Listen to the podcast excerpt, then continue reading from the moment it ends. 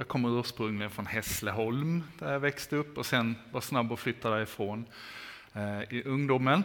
Eh, sen har vi bott en hel del i Helsingborg och jag har varit präst. Eh, men också i Örnsköldsvik och sen tillbaks i Helsingborg. Nu bor vi i Farhult, så det är på detta hållet från Helsingborg. Mellan Höganäs och Ängelholm bor vi. Eh, och mina barn, vi har två barn, min fru och jag. De barnen är utflugna och hunden är influgen. Så vi har en hund att ta hand om, inga barn hemma.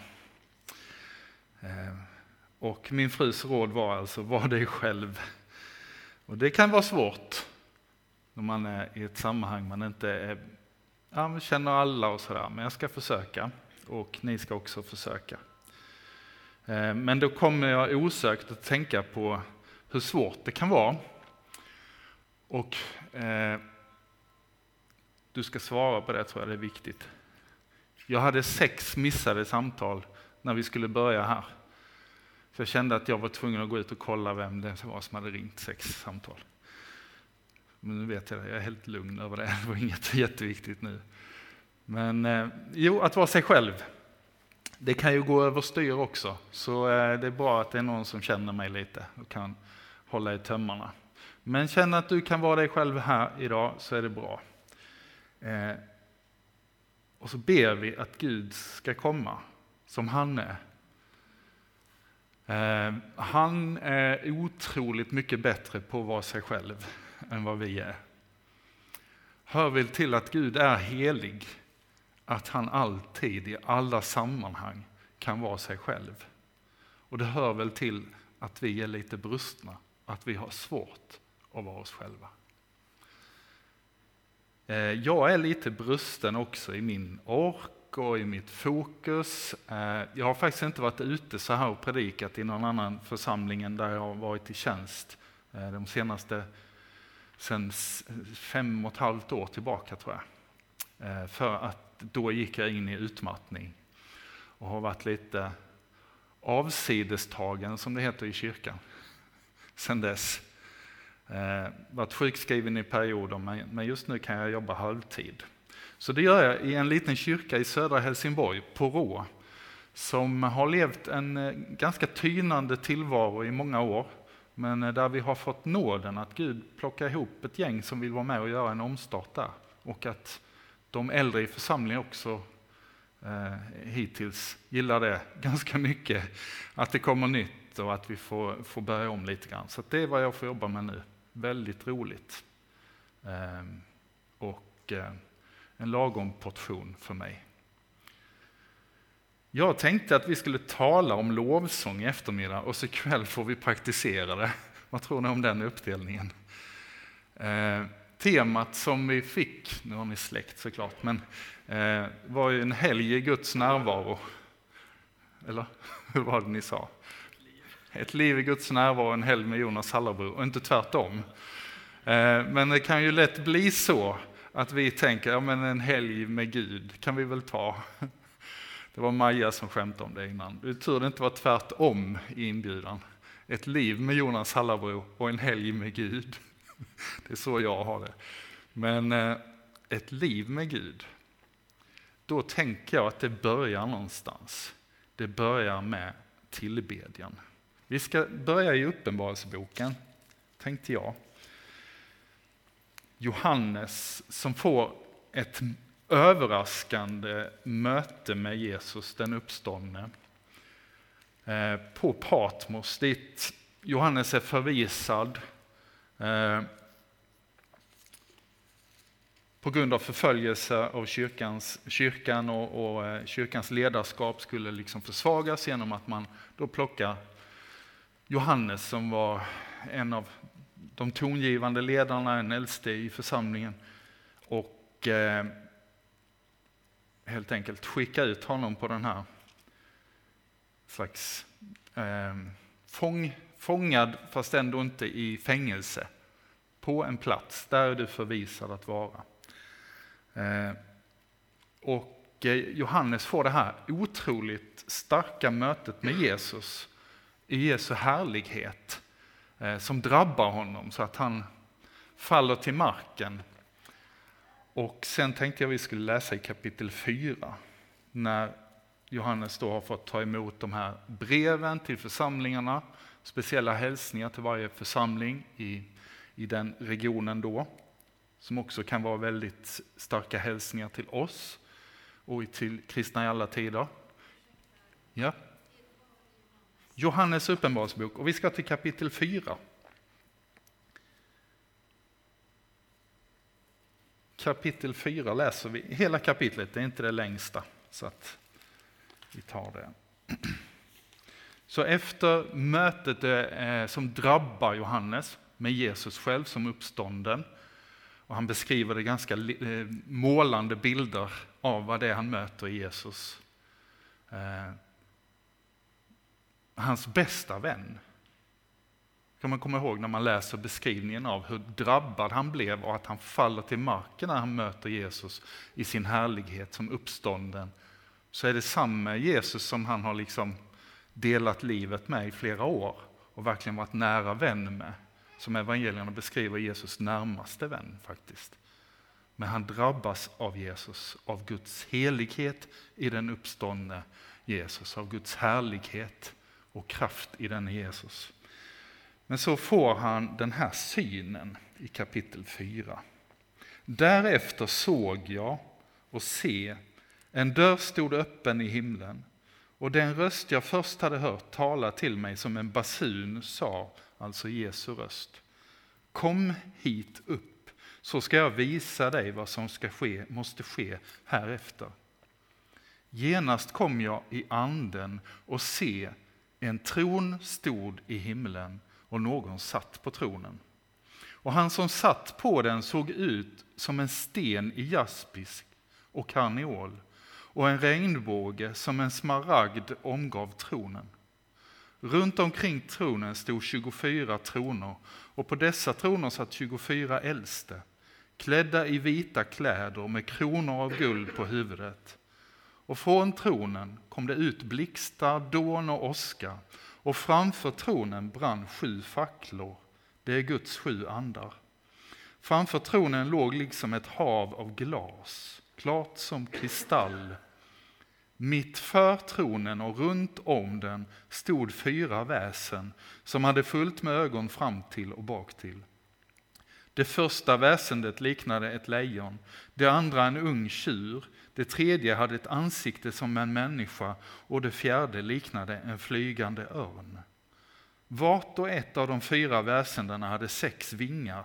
De hade fullt med ögon runt om och på insidan av vingarna. Dag och natt säger de utan uppehåll.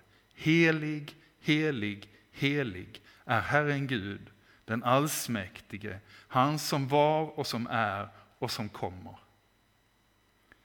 Och när dessa väsen prisar, ärar och tackar honom som sitter på tronen och som lever i evigheternas evighet, då faller de 24 äldste ner inför honom som sitter på tronen och de tillhör, tillber honom som lever i evigheternas evighet. De lägger ner sina kronor inför tronen och säger Du är vår Herre och Gud. Du, vår Herre och Gud, är värdig att ta emot pris, ära och makt.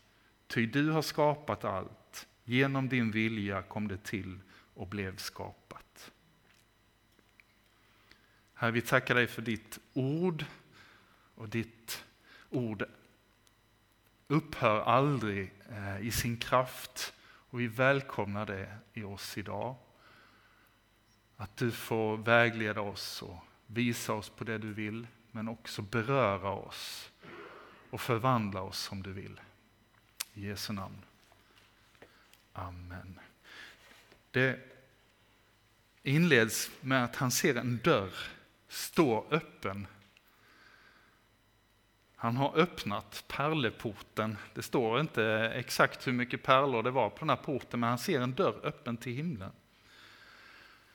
Eh, och han får se in i himlen på något sätt komma in i, vad då? Vad kommer han in i? Jo, det är ganska mycket här som liknar en, en gudstjänst i det han får vara med om, eller hur? Han kommer in i gudstjänsten som pågår i det himmelska. Det första Johannes får syn på när han kommer in genom porten och får se in, det är tronen. En tron och så ser han att någon sitter på tronen. För, den, för kyrkan i den tiden så tror jag att det var ett budskap man behövde. Att när Johannes får se in i det himmelska så ser han att där finns makten, där, där sitter någon på tronen. Och det är inte kejsaren Domitianus som förföljer de kristna som sitter på tronen. Han som, som har eh, liksom, eh, dödat så många av, av Jesus efterföljarna att han insåg att det är inte rätt väg längre. Därför deporterar han Johannes och andra. Alltså, böjer ni inte inför kejsaren så kan det kosta er livet. Och så får Johannes se in i det himmelska, han ser tronen och han kan tala om att det är inte Domitianus. Det är inte kejsaren som sitter på tronen. Det är Gud som sitter på tronen. Det är någon som sitter där. Det är inget snack om vem det är. liksom. Och så ser han fyra varelser med konstiga vingar. Eh, liknas vid ett lejon, en tjur, en människa och en örn. Samma symboler som, som senare, senare blev eh, symbolerna för de fyra evangelisterna. Eh, men som här, tror jag, är tänkt att få vara en bild för hela skapelsen. Hela skapelsen är inför tronen. Lejonet står nog för, för de vilda djuren tjuren för de tama djuren och sen så har vi människorna, den som ser ut som en människa, skapas på, på sjätte dagen och så örnen, alla fåglar i skyn, alla eh, fåglar och fiskar som skapas samma dag. Så att på något sätt står de här fyra varelserna för hela skapelsen. Det är svårt att veta allt vad Uppenbarelsebokens bilder vill säga oss. Men, men vi kan försöka liksom hitta ungefär vad är det som, som det här vill ge oss en, en bild av. Eh, också kanske att just fyra som syftar på jordens tal med fyra väderstreck också ger oss en signal om det. Att här är någonting som är i centrum av allt skapat. Tronen i himlen är inte en perifer sak någonstans, utan det är centrum i skapelsen. Tillbedjan är centrum varvid hela skapelsen samlas, varvid all tillbedjan liksom fokuseras. Hela skapelsen lovsjunger Gud, ett ganska vanligt tema i Bibeln. Saltaren och, och vi, vi har det liksom med oss, men ibland har vi som nytestamentliga kristna tappat bort det skapelseperspektivet. Kanske det kommer tillbaks lite igen när vi upptäcker att vi håller på att helt fördärva vårt förvaltaruppdrag med skapelsen. Eh, att vi är kallade att vara med i den lovsång inför Herren som hela skapelsen ger uttryck för. Och så hörs det oavbrutet, står det, utan att vila, utan paus. Helig, helig, helig. Det är en tillbedjan som pågår oavbrutet. Trefaldigt helig hörs åt Herren Gud, allhärskaren, Sebaot, han som var och som är och som kommer. Och den gamle Johannes får se detta i en syn han tar del av på ön Patmos. Men han var inte först att få se in i detta. Över, eh, någonstans strax över 700 år tidigare så är det en ung man vid namn Jesaja som får se samma sak. Han beskrivit det, beskrivit det ganska liknande, inte exakt samma sak, men, men vi förstår att han ser in i samma skeende i den himmelska gudstjänsten. En morgon eh, när Jesaja går till templet, han öppnar dörren, så öppnar han inte bara dörren in och går in i det rummet, utan han går rakt in i himlen och han ser detta. Eh, och även han får blicka in i himlen eh, och det han ser. Eh, här händer något här. Så. Eh,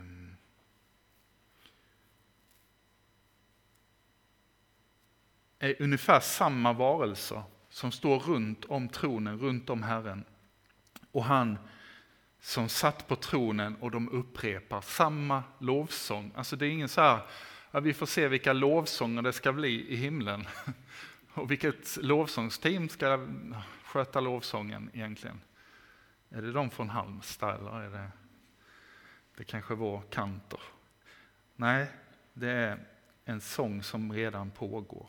Helig, helig, helig.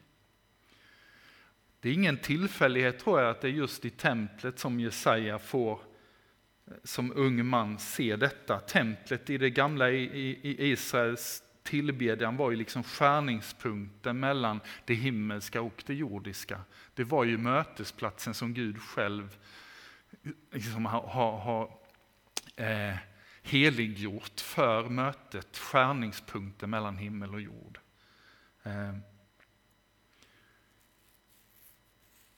Så här sammanfaller på något sätt det himmelska och det jordiska. Eh, och för Johannes då, år 70, drygt 700 år efter Jesaja. Det finns ju inget tempel på Patmos. Eh, han firar ju en gudstjänst, men det är liksom inget som, som påminner om en en härlighet i, i närvaron. Men plötsligt så låter Gud honom se in i den osynliga verkligheten som är lika verklig där som den har varit för profeten Jesaja och som den är hela tiden. Och eh, 700 år senare så är seraferna kvar. Det måste ju varit härligt för Johannes som kunde de här skrifterna, läst profeten Jesaja, de är kvar samma liksom tillbedjan inför tronen. Eh, alltså vid den här tiden har de då hållit på i minst 700 år av lovsång. Kan vara något för oss att fundera på när vi tycker att det blir lite långt med lovsång. 700 år håller seraferna, troligen håller de fortfarande på i lovsången och har inte bytt låt. Tänker jag det.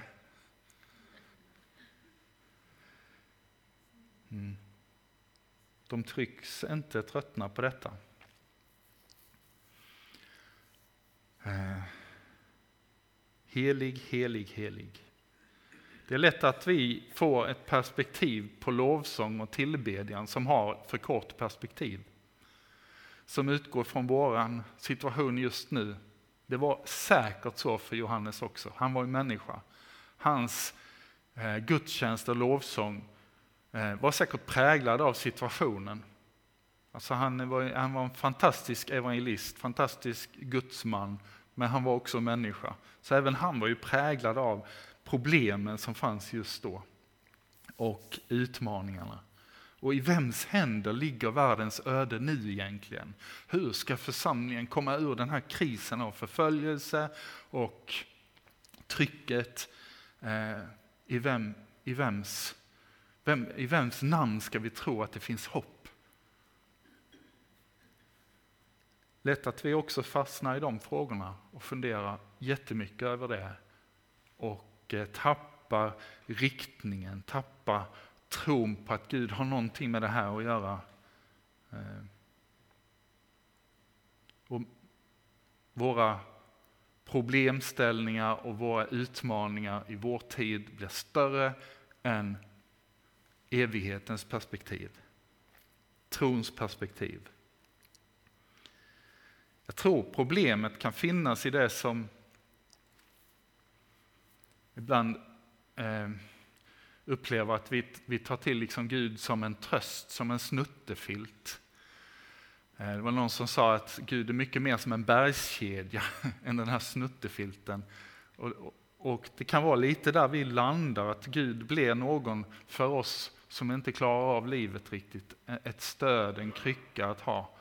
Eh, någon som kan trösta lite grann. Medan Gud är mycket större.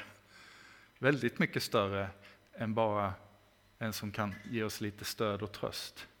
Att våga se Guds storhet, att han är mäktig och stanna upp inför visionen som Johannes fick drabbas av och som är lika sann idag av den himmelska tronen och tillbedjan som bara pågår inför Gud den helige.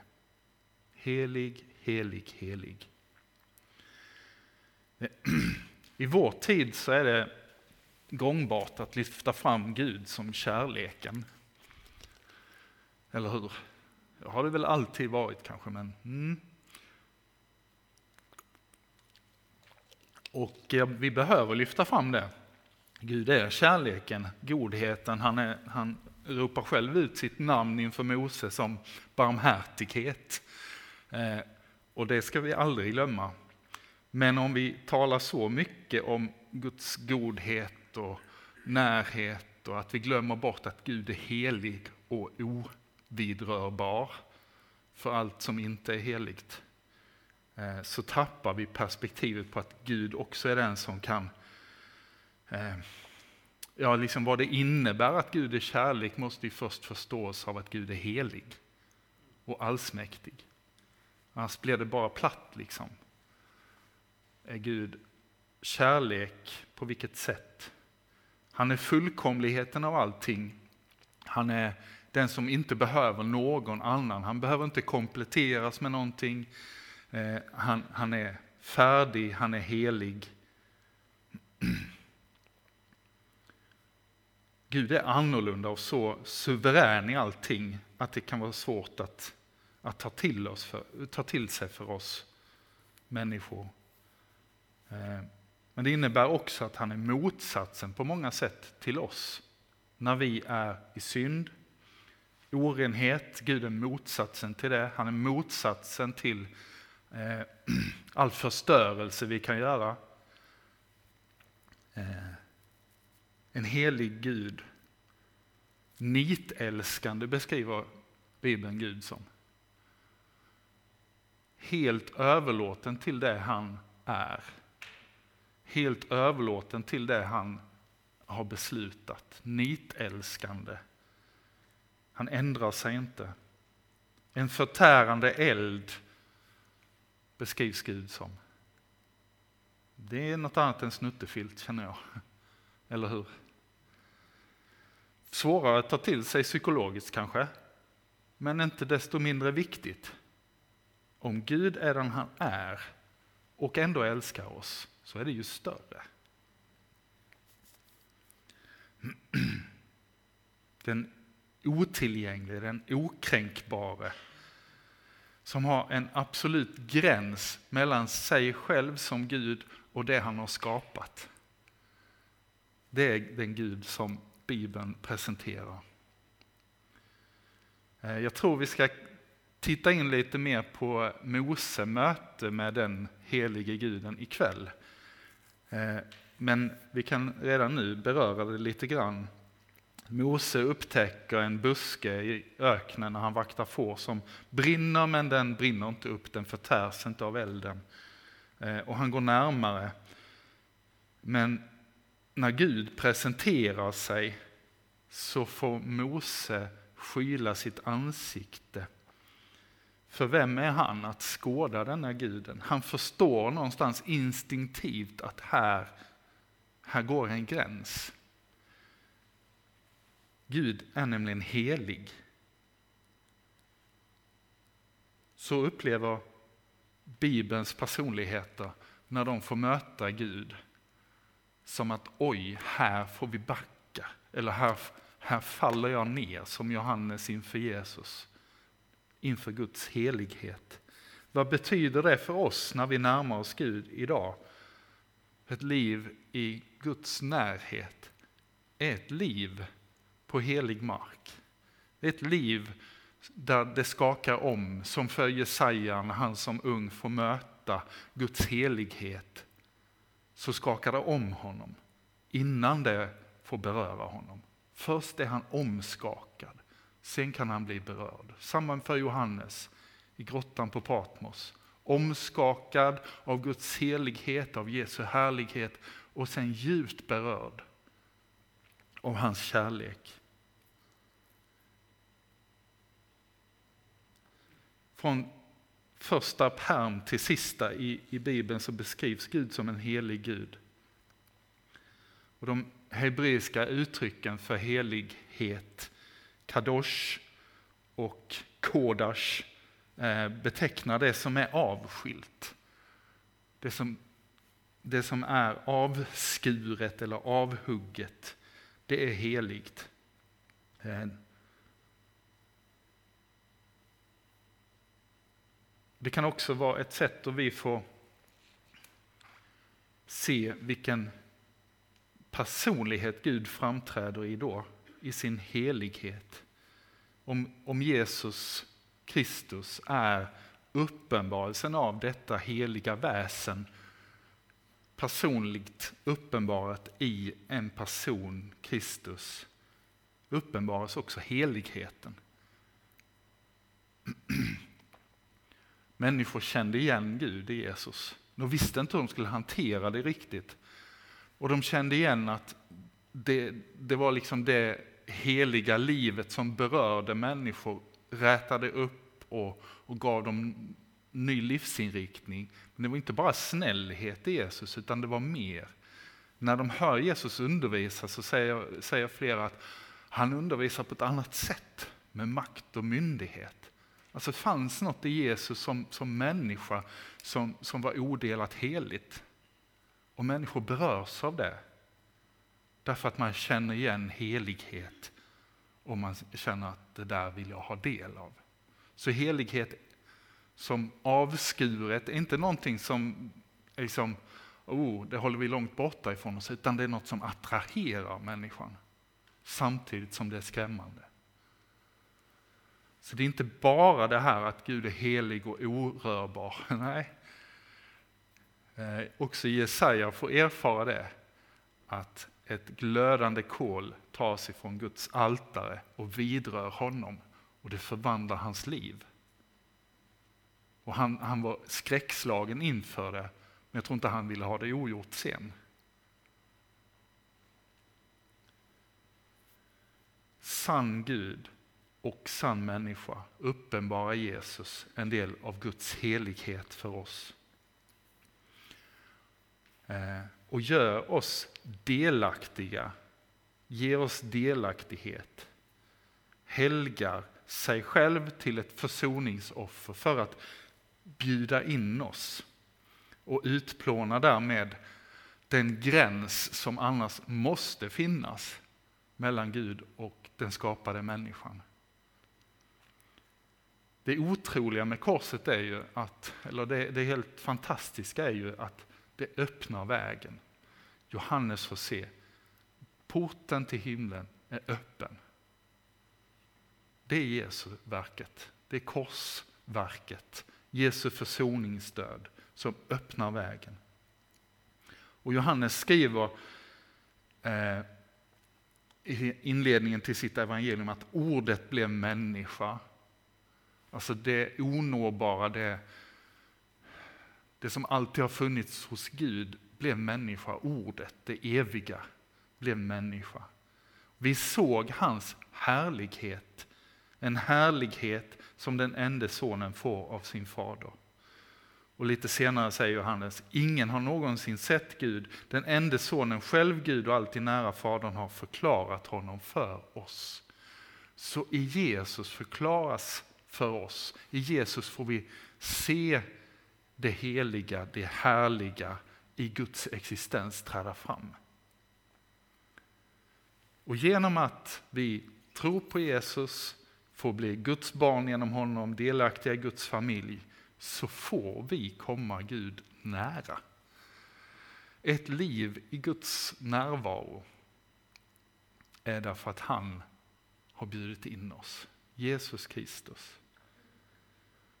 Guds natur har inte förändrats, Guds helighet har inte förändrats det minsta. Och när vi möter den härligheten så är det det som förvandlar oss och inte tvärtom. Eh,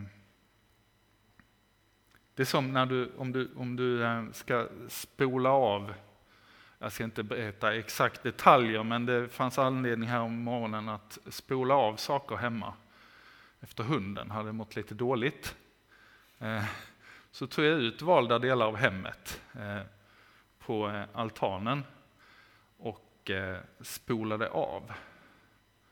Det var tur att det var lite plusgrader så att jag kunde spola med slang. Det är helt orimligt att smutsen skulle komma in i slangen. Eller hur? Jag är inte ett dugg orolig för det, när jag slår på slangen, att smutsen skulle komma in. Ungefär lika orimligt är det att Guds helighet skulle påverkas det minsta av orenhet, synd, ondska. Alltså Gud är helt annat, något helt annat än det skapade som har fallit. Och Gud påverkas inte i sin helighet. Ni förstår bilden. Guds natur förändras inte. Och det märker de som möter Gud i den bibliska historien så, så, eh, så får man liknande upplevelser som Mose.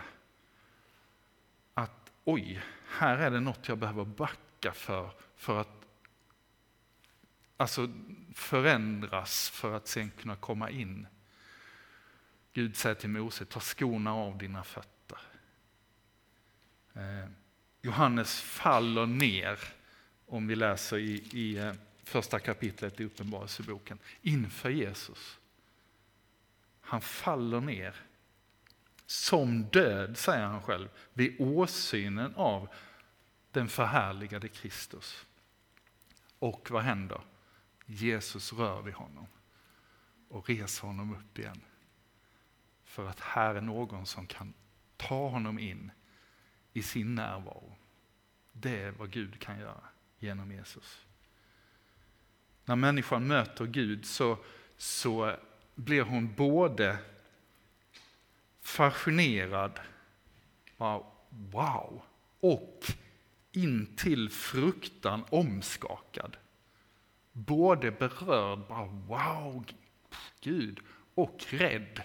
Känner fruktan och bävan in till liksom oh, livrädd-stadiet. Och det är som det ska vara. Gudsfruktan är kanske inte det mest omtalade begreppet i vår tid. Men det är icke mindre en erfarenhet som människor gör i mötet med Gud i vår tid. Att man känner sin litenhet. Att man känner att här är något heligt. Oberörbart, något som jag behöver ta ett steg tillbaka inför. Varför det är så viktigt att vi får komma till korset. Med våra liv och överlämna till Gud det som inte är heligt. Som kan vara ganska mycket. Det är upp till oss var och en. Men Gud säger, jag kan ta allt. Jag har handskats med det, säger Jesus. Det är det korset handlar om. Gud handskas med oss på ett sätt som vi inte själva skulle kunna. Och heliggör oss för att han vill ha oss i sin gemenskap.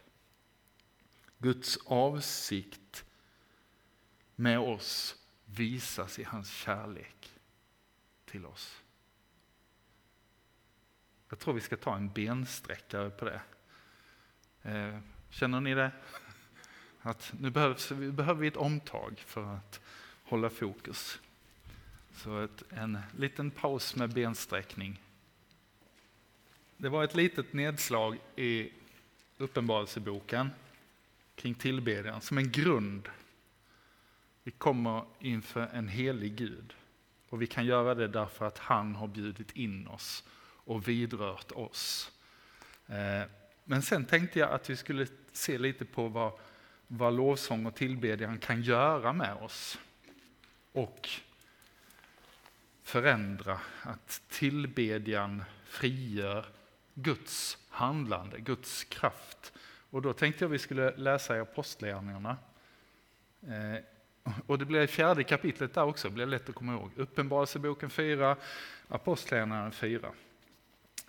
Lukas återger i Apostlagärningarna, eh, inte apostlagärningar mest, utan mer andens gärningar genom församlingen. Och det som har skett här är att eh, Petrus och Johannes är förda inför Stora rådet i Jerusalem. Eh, och eh, är hotade eh, till livet egentligen. Och vi ska komma ihåg att det är samma råd som eh, dömde Jesus till döden ganska nyligt, som de nu står inför och eh, eh frimodigt är sig själva och i Guds kraft få, få tala liksom evangeliet också inför Stora rådet. Eh, och de hotar dem och de förbjuds att någonsin mer tala eller verka i Jesu namn. Eh, och då står det så här i kapitel 4, vers 23. Sedan de hade blivit frigivna gick de till sina egna och berättade allt vad översteprästarna och de äldste hade sagt till dem. När de hörde det ropade de endräktigt till Gud och bad. Herre, du som har skapat himmel och jord och hav och allt som är i dem. Du som har sagt genom den helige Ande, som talade genom vår fader David, din tjänare, varför upprörs hedningarna? och tänker folken ut meningslösa planer. Jordens kungar träder upp och forstarna gaddar sig samman mot Herren och hans mode. Ja, de gaddade sig verkligen samman i denna stad mot din helige tjänare Jesus, som du har smort. Herodes och Pontius Pilatus tillsammans med hedningarna och Israels stammar, för att utföra vad du i din makt och genom ditt beslut hade förutbestämt. Och nu, Herre, se hur de hotar oss och hjälp dina tjänare att frimodigt predika ditt ord genom att du räcker ut din hand för att bota och låta tecken och under ske genom din helige tjänare Jesu namn. När de hade slutat att be skakade platsen där de var samlade och de uppfylldes alla av den heliga Ande och predikade frimodigt Guds ord. de flesta tillfällen som det nämns om bön i apostlagärningarna så, så talar Lukas bara om att de bad. Inte vid så många tillfällen får vi inblick i vad de bad. Detta är ett, ett av de tillfällen vi får liksom se in i deras gudstjänst, i deras tillbedjan och i hur de bad, vad de bad. Eh. Och det är ju utan tvekan en bön som frigör någonting. Frimodighet och kraft. Exakt det som Jesus hade lovat dem. Att ni ska vänta på mig i Jerusalem, så ska ni rustas med kraft ifrån höjden och ni ska bli mina vittnen. De eh, behövde ju det. De var i en situation hotade till livet, strängt förbjudna att fortsätta verka. Och vad gör de? Jo, de ber om mer. Mer Gud. Inte så här bara, det var nära ögat. Jonathan, nu får vi hålla igen lite. Ta det försiktigt med att prata om Jesus i Halmstad. Det, det blir lätt kritik. Vi får nog hålla igen. Nej, tvärtom. Mer Gud. Jesus, sträck ut din hand. Bota. Gör oss frimodiga att gå vidare. Det var bönen. mitt i motgången, mitt i hotet, så sätter de fokus inte på det, inte på svårigheten, utan på Herren. Han som sitter på tronen, han som har allt i sin hand. De har ett tydligt fokus på att bönen är inte problemcentrerad, utan den är gudscentrerad. En av mina förebilder i EFS eh, verkade i början på 1900-talet och hette Efraim Rang.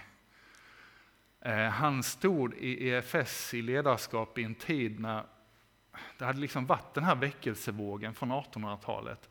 Men den hade lite sinat ju. Och de flesta hade fått grått hår och blivit äldre.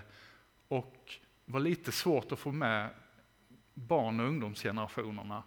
Och speciellt i Sverige. Det var ingen liksom ny väckelsevåg som kom i, i, i det stora hela. Det fanns lokala men, men det såg ganska så mörkt ut för Sverige. Och i den tiden så började man att be och söka Gud för att få nöd, eller de fick nöd för den unga generationen. Och, och sen fick de stå i en decennier av väckelse. Och eh, det som kallades för det ungas förbund växte fram inom EFS. Men det var också liksom över hela kyrkobredden. Eh, Efraim han, han skriver i en av sina böcker tio år senare, efter att väckelsen har brutit ut, när han skriver liksom av, om eh, erfarenheter av den här tiden, så, så skriver han om hur, hur mycket problem det var. Hur svårt det här var, hur omöjligt det såg ut. Men, skriver han, bättre att ha mycket med Gud att göra än med våra omöjligheter. För då reder han på bästa sätt ut våra omöjligheter. Och det tänker jag är exakt så som apostlagärningarna beskriver att man gjorde. Man möter de här omöjligheterna. Ah, nu är det kört. Vi har, alltså, det finns ingen chans att vi kan... Hur ska vi? Och man känner sig hotad till livet. Men de är fokuserade på Gud. Inte på sina omöjligheter så lätt att vi borrar djupare i problemen och till slut ser man bara det omöjliga. Och det är inte så att de säger att det inte finns, utan de, de säger till Gud, det finns problem, men de ger dem liksom till honom. Kolla vad de har gaddat sig samman emot oss.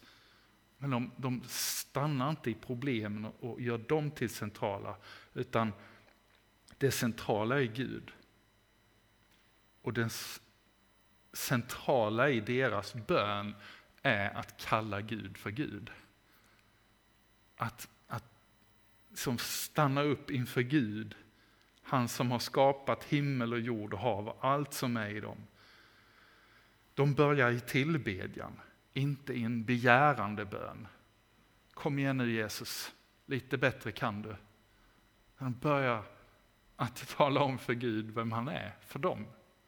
Han är samma Gud, han har allt i sin hand. Han är Herren.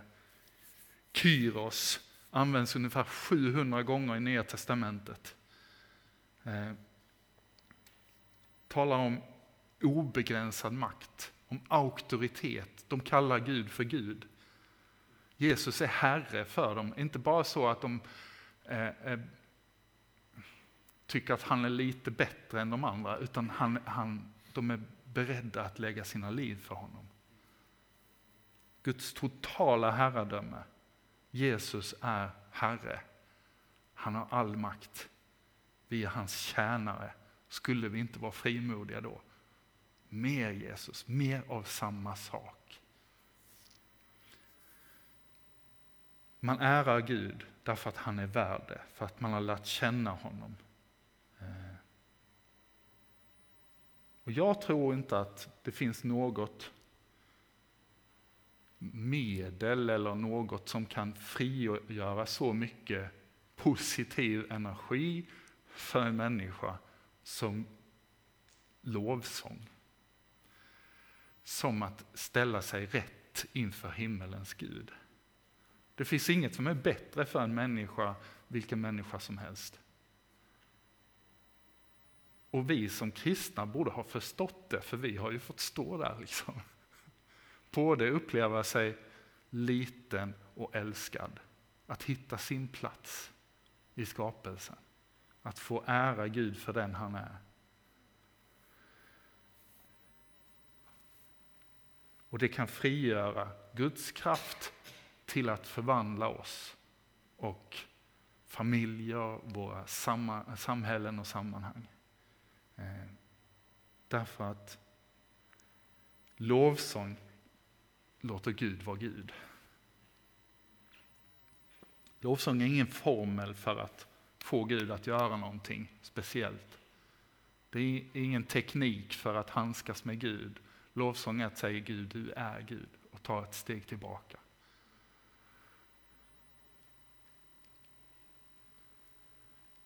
Den här tillbedjan som de stod i, den hindrade dem från att fastna i problemen. Den på något sätt impregnerade dem från att, att göra saker mindre än vad Gud hade sagt att det skulle vara. Därför att de kunde se Guds storhet, Guds kraft och Guds möjligheter. Så krympte inte kallelsen, utan den enorma kallelsen som Jesus hade sänt dem i. Gå ut till alla folk, hela världen och predika evangelium och gör mina gärningar. Alltså, de gjorde inte det mindre, utan de såg det är Gud som står bakom detta. Det är han som kan göra det. Ehm. Lösningen fanns hos Gud. Om vi upphöjer Gud så kan vi få hans Eh, perspektiv på oss och på våra problem. Jesaja 43 säger Jesaja att Gud hälsar genom Jesaja. Det folk som jag har format åt mig ska höja mitt lov. Det folk som jag har format åt mig ska höja mitt lov. Gud har skapat oss, designat oss för inte vårt eget race, utan för att vi ska lova honom, leva för honom. För att ha ett, ett, en tillhörighet i honom. Det är hans, inte en from önskan från Gud, utan det är en befallning genom Jesaja. Det folk har format åt mig skall höja mitt lov.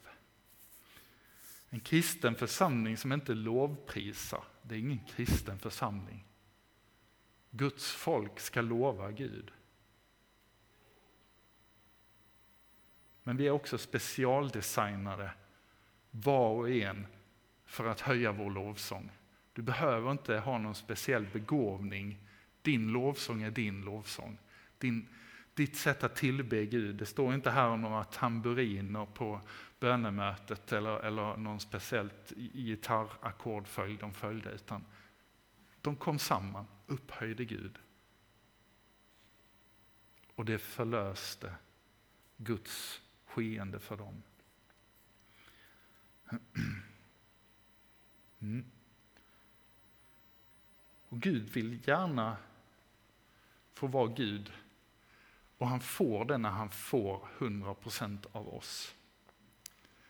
Och om vi, det är en hemlig matematik i det här, att om jag vill bli mer mig själv, så kan jag gå en massa sådana här självförverkligande kurser och försöka förverkliga mig själv och eh, försöka som utvecklas som människa. Men om jag, om jag istället tar vägen till tillbedjan och lovsång så är min upplevelse att när jag helt ger mig till Gud så blir jag mer än någonsin mig själv. När jag är beredd att, att lägga mig platt inför Gud, vilket ordet tillbedjan på hebreiska betyder, att lägga sig platt inför Gud, då förverkligar han dig själv, alltså mig själv. Du blir dig själv mer än någonsin när du helt blir hans. Det är en matematik som bara Gud har. Alla andra krafter kommer att ta över dig. Om du ger dig till någon annan kraft, någon annan makt, så kommer de att vilja ta över dig. Eh, det är det demonerna gör, de tar över människor. Eh, och det är det den onde skulle vilja, eh, men han aldrig kommer få. Att ta över alla människor. Vi kanske upplever det som att nu kan jag förverkliga mig själv, nu är jag fri. Men när vi helt och hållet tillhör honom är vi mer än någonsin fria, mer än någonsin oss själva.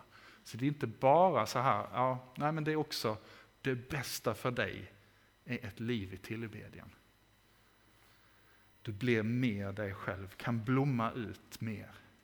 Sänka axlarna, inte behöva vara Gud. För jag känner han som är Gud.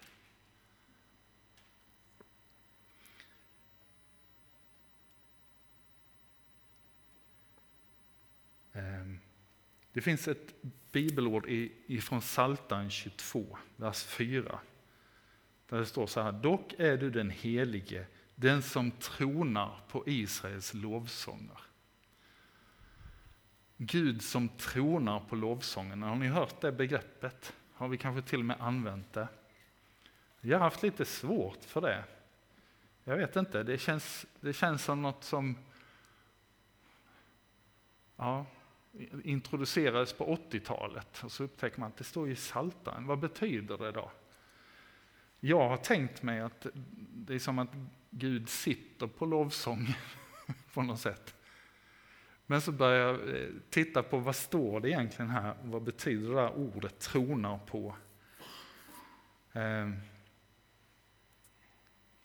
Det betyder inte att han sitter på lovsången, att vi bygger någon tron i lovsång, utan det betyder att han bor i. Att trona på är samma som bo i. Gud bor i lovsången. Han gör det genom den helige Ande som väcker lovsång i oss.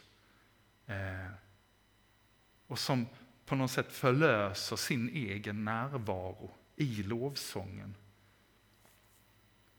Och vi förstår att det är så eh, Gud skapar liksom utrymme för sitt rike genom att han blir ärad. Vi vet att Guds rike kommer när vi upphöjer Jesus. Där hans vilja får ske, där, där människor ger sina liv till Gud. Där får han utrymme. Det är så Gud tronar på lovsång, han bor i den. Där vi ger tillbedjan till Gud kommer hans närvaro. Vi tillber inte Gud för att få hans närvaro, vi tillber Gud för att han är Gud. För att han är den evige, för att han är värd det. Men hans svar är sin närvaro. Jesus säger detta när han undervisar om bön. Han säger att, att eh, skulle inte då Gud som är god, alltså ni förstår att ge era barn goda gåvor. Ber min son om en äggmacka så ger jag inte honom en skorpionmacka. Ungefär så undervisar Jesus. Att, men, redan ni som är ganska onda, ganska eller jag till, Redan ni som är onda förstår att ge era barn goda gåvor. Skulle inte då Fadern i himlen ge helig ande åt dem som ber honom? Alltså svaret på bön, svaret på eh, våran tillbedjan, våra lovsång är Guds närvaro. Skulle han inte ge helig ande som svar på vår bön, som svar på vårt vår lovsång, vår tillbedjan. Så lovsången kan få vara som en snöplog, en plog som banar väg in i våra liv, i våra hjärtan, men också i våra familjer, samhällen. Lovsången kan bana väg för det som vi inte kanske ens visste behövdes. Och förvandla atmosfärer. Jag såg en, eh, en, en sak ske här förleden i, en, eh, vi, vi, på, i, eh, i det lilla samhället på Rå i södra Helsingborg där jag nu får jobba så har man under många år haft kyrkan öppen på julskyltningen. Och bjudit på fika och haft lite tombola och så här. Så tyckte vi i år att, ja, och så har man bjudit in några körer och sjunga. Och det var bra med folk liksom. Ska vi ha något lite mer innehåll också i sången? Eh, så vi hade eh, kyrkans musiker och alltså jag ska inte säga att det var lovsång, fast det var mer åt det hållet. Det var sånger med ett innehåll och med, ja, inte bara härliga julsånger som Hej tomtegubbar. Eh, vid ett tillfälle så upplevde jag att Guds ande bara mana mig. Jag visste att jag snart skulle upp och säga någonting lite mellan två sånger. Eh, men jag kände ändå, ta på dig jackan och gå ut på gatan utanför. Så går jag ut där och så ser jag på gatan kommer det en familj som jag kände. Så hejar jag på dem och sa Åh, kom in i kyrkan, där är fika och eh, ja, de var ju på väg till kyrkan. Så att, det var inte så konstigt. Men bakom dem går en tjej som jag aldrig har sett som säger och jag visste inte ens att här var en kyrka. Så. Nej, men den, det är öppen kyrka idag, så välkommen in. Ta lite fika i alla fall. Hon kommer in, ställer sig längst ner i gudstjänstlokalen med jackan på. Och när hon har stått där ett tag bara så ser jag att tårarna börjar ramla på hennes kinder. Alltså, hon kommer in från julskyltning på väg hem egentligen och kommer hem. Nu ska jag, inte liksom, jag ska inte säga att hon blev frälst, för det har vi inte sett än, men någonting i henne blev frälst. Någonting i henne berörde så djupt att tårarna började rinna. Och eh, vi pratade lite och sa, jag, jag tror Gud berör dig. Det tror jag också, sa hon. Och bara det att man förstår att här är ett gudsmöte. Alltså hon förstår det intuitivt. Att det här behöver jag. Det här gör någonting med mig. Lovsången bereder plats för Guds närvaro. När Jesus går till Olivberget för att så småningom gripas och dödas. Det sista som sker i den övre salen är att de sjunger lovsången när de går ut. Lovsången bereder plats för Guds skeende. Tänk så mycket mer rustade vi skulle vara för det som möter oss av svårigheter. Så mycket mer vi skulle kunna se Gud komma med om vi fick gå i lovsång, om vi var överlåtna till att först och främst bara tillbe honom som är värd det. Därför lovsången öppnar platsen för honom, sätter oss fria att faktiskt vara både mottagare och sändare. Öppna låsta lägen. Paulus och Silas i fängelsehålan. Alltså loppet är kört för de killarna.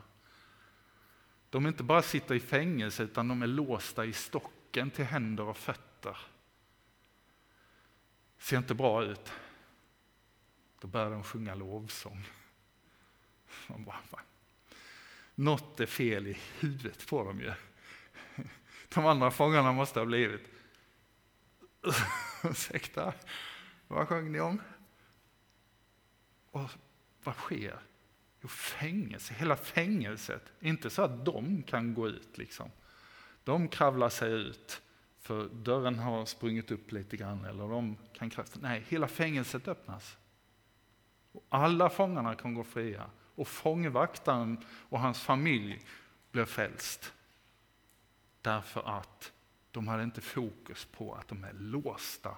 De är inte i sitt läge i stocken, de är i sitt läge som tillbedjare först och främst. Och då förvandlas deras situation. Och jag tror inte de hade lovsjungit mindre om fängelset hade fortsatt vara låst.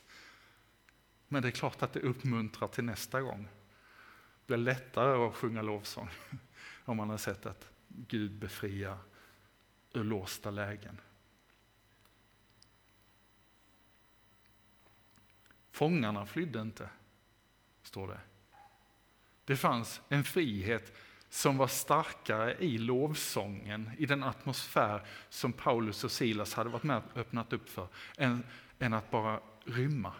Det fanns en annan frihet. Fångarna flydde inte från fängelset, utan det fanns plötsligt en frihet i fängelset som de ville ha tag på. Mm. Jag tänker att vi kan vara i det på många olika sätt. I låsta lägen, har tappat fokus på vad var det vi skulle göra här då? Vänta på nästa kris, nästa pandemi, nästa världsherravälde som kommer att diktera hur våra liv ska se ut och kanske blir det i stocken, i ett fängelse. Men hur påverkar det oss? Vilka låsta situationer har vi? just nu i vår stad, i Halmstad eller där du finns, i vår församling. Vår bön är ju, låt din vilja ske. Vi vet att den är bara god, låt den ske så som i himmelen, så och här på jorden.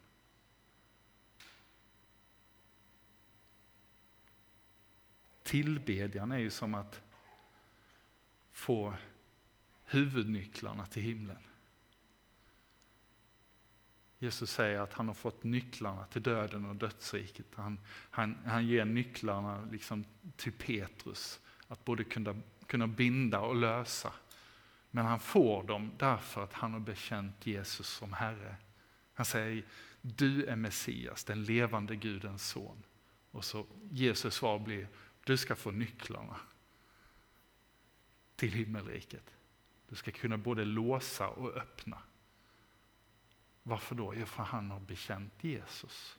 Han har hittat en inriktning i sitt liv där, där Jesus är Messias, den levande Gudens son. Tillbedjan öppnar, ger oss nycklarna till våra egna låsta lägen, till vår församling, till, till människor runt om oss och till våra städer och vårt land. Det är inte vi som har dem som församling, det är Jesus. Det är Jesus som har erövrat nycklarna. Och vi behöver dem. Men vi kan inte säga Jesus, vi behöver nycklarna. Utan vi säger Jesus, vi ärar dig för att du har vunnit allting. Då öppnar han. Och då kan, kan vi i hans namn få eh, göra tjänst för, för hans rike. Jag tror en sak som vi i, i västkyrkan har problem med är, och kanske inte minst i Sverige och i vår del av kyrkan, är att vi vill gärna ha det lite kontrollerat. Det är så vi har på något sätt blivit inlärda. Eh, ordet tillbedjan i, i den hebreiska bibeln betyder att böja sig ner eller kasta sig ner platt, sa jag. Eh, och det är så de flesta möten med Gud ser ut. När de möter eh, Guds helighet så blir det liksom platt till marken. Eh, men vi kanske har en önskan att det skulle vara lite mer bekvämt, lite lagom. Eh, det finns ett uttryck för, för tillbedjan i den hebreiska bibeln som är halla.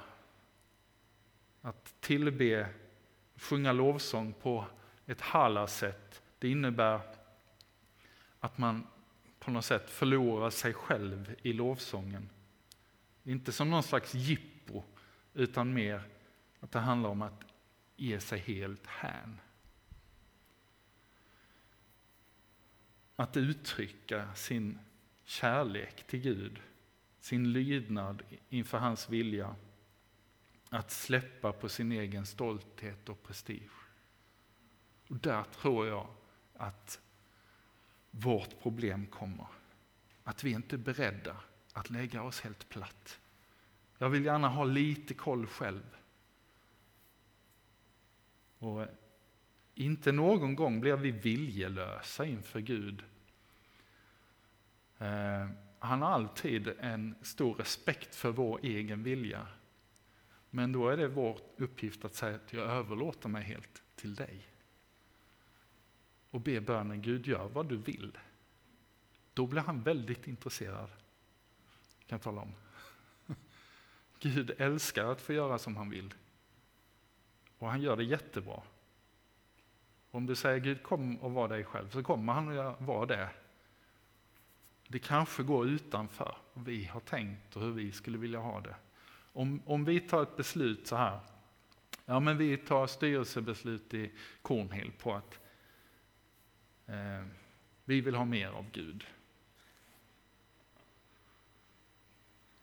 Bra styrelsebeslut. Mer av Gud vill vi ha. Men så glömmer ni lägga till den här enkla lilla, och du får göra som du vill. Jag tror många av oss kristna är där. Och jag behöver mer av dig Gud.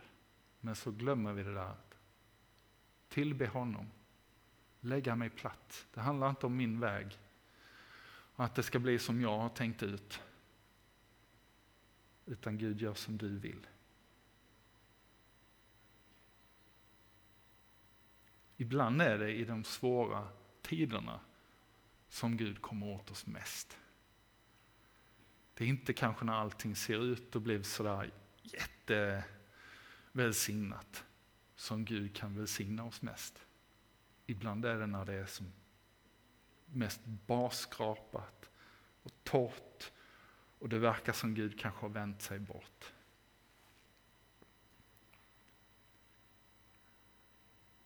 Men så är Gud nära hela tiden. När, när jag satt i bilen på vägen hit och tänkte lite på er utan att ha sett er, så kände jag att några av er har, har varit eh, på något sätt i kyrkbusiness så länge att det känns som att är det lönt? Är det något värt? Och den senaste perioden har du gråtit så mycket att du känner att jag orkar inte vara inför Gud mer, för det blir bara tårar. Och till dig eller er som känner så vill jag bara hälsa att jag såg Jesus med en flaska och han säger till dig, jag samlar dina tårar. De är dyrbara för mig, därför att jag älskar dig. Och kanske det på något sätt är en bild till er som församling också. Att den, den, den svåra tiden är en tid då Jesus kommer riktigt nära. För Jesus med en flaska som säger att jag samlar dina tårar, han kan inte stå på distans. Han har kommit väldigt nära. Och samlar din, dina tårar är en bön. Du behöver inte formulera, de är redan formulerade ur din tårkanal. Jesus som samlar dina tårar och hör din bön och vill bara vara nära dig.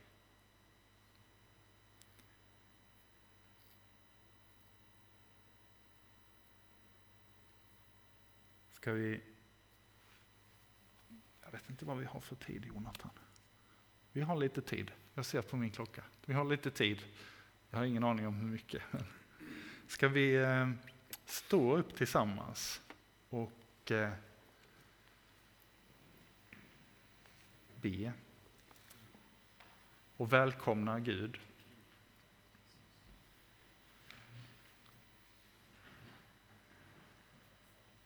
Och förundras över att du Gud som tronar, du sitter på tronen som är allsmäktig Gud helig Gud ändå väljer att komma nära oss. Ändå längtar ditt hjärta efter att vara nära oss och möta oss som vi är.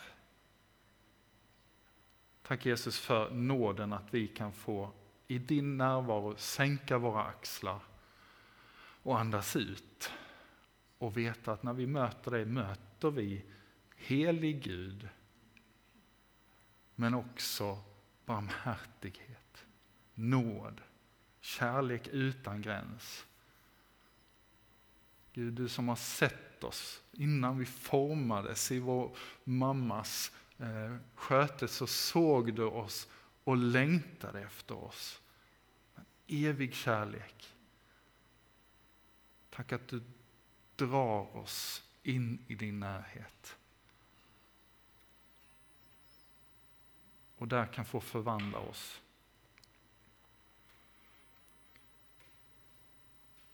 Herre, tack för att du har eh, bön, det är din idé. Det är inte vårt koncept, det är inte vårt program.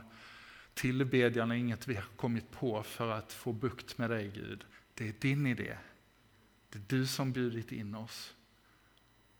Ditt folk vill vi vara, dina barn som ärar dig och som, som har eh, det här barnets ande inför dig, barnaskapets ande. Som sträcker sig inför dig Gud och säger pappa, pappa Gud.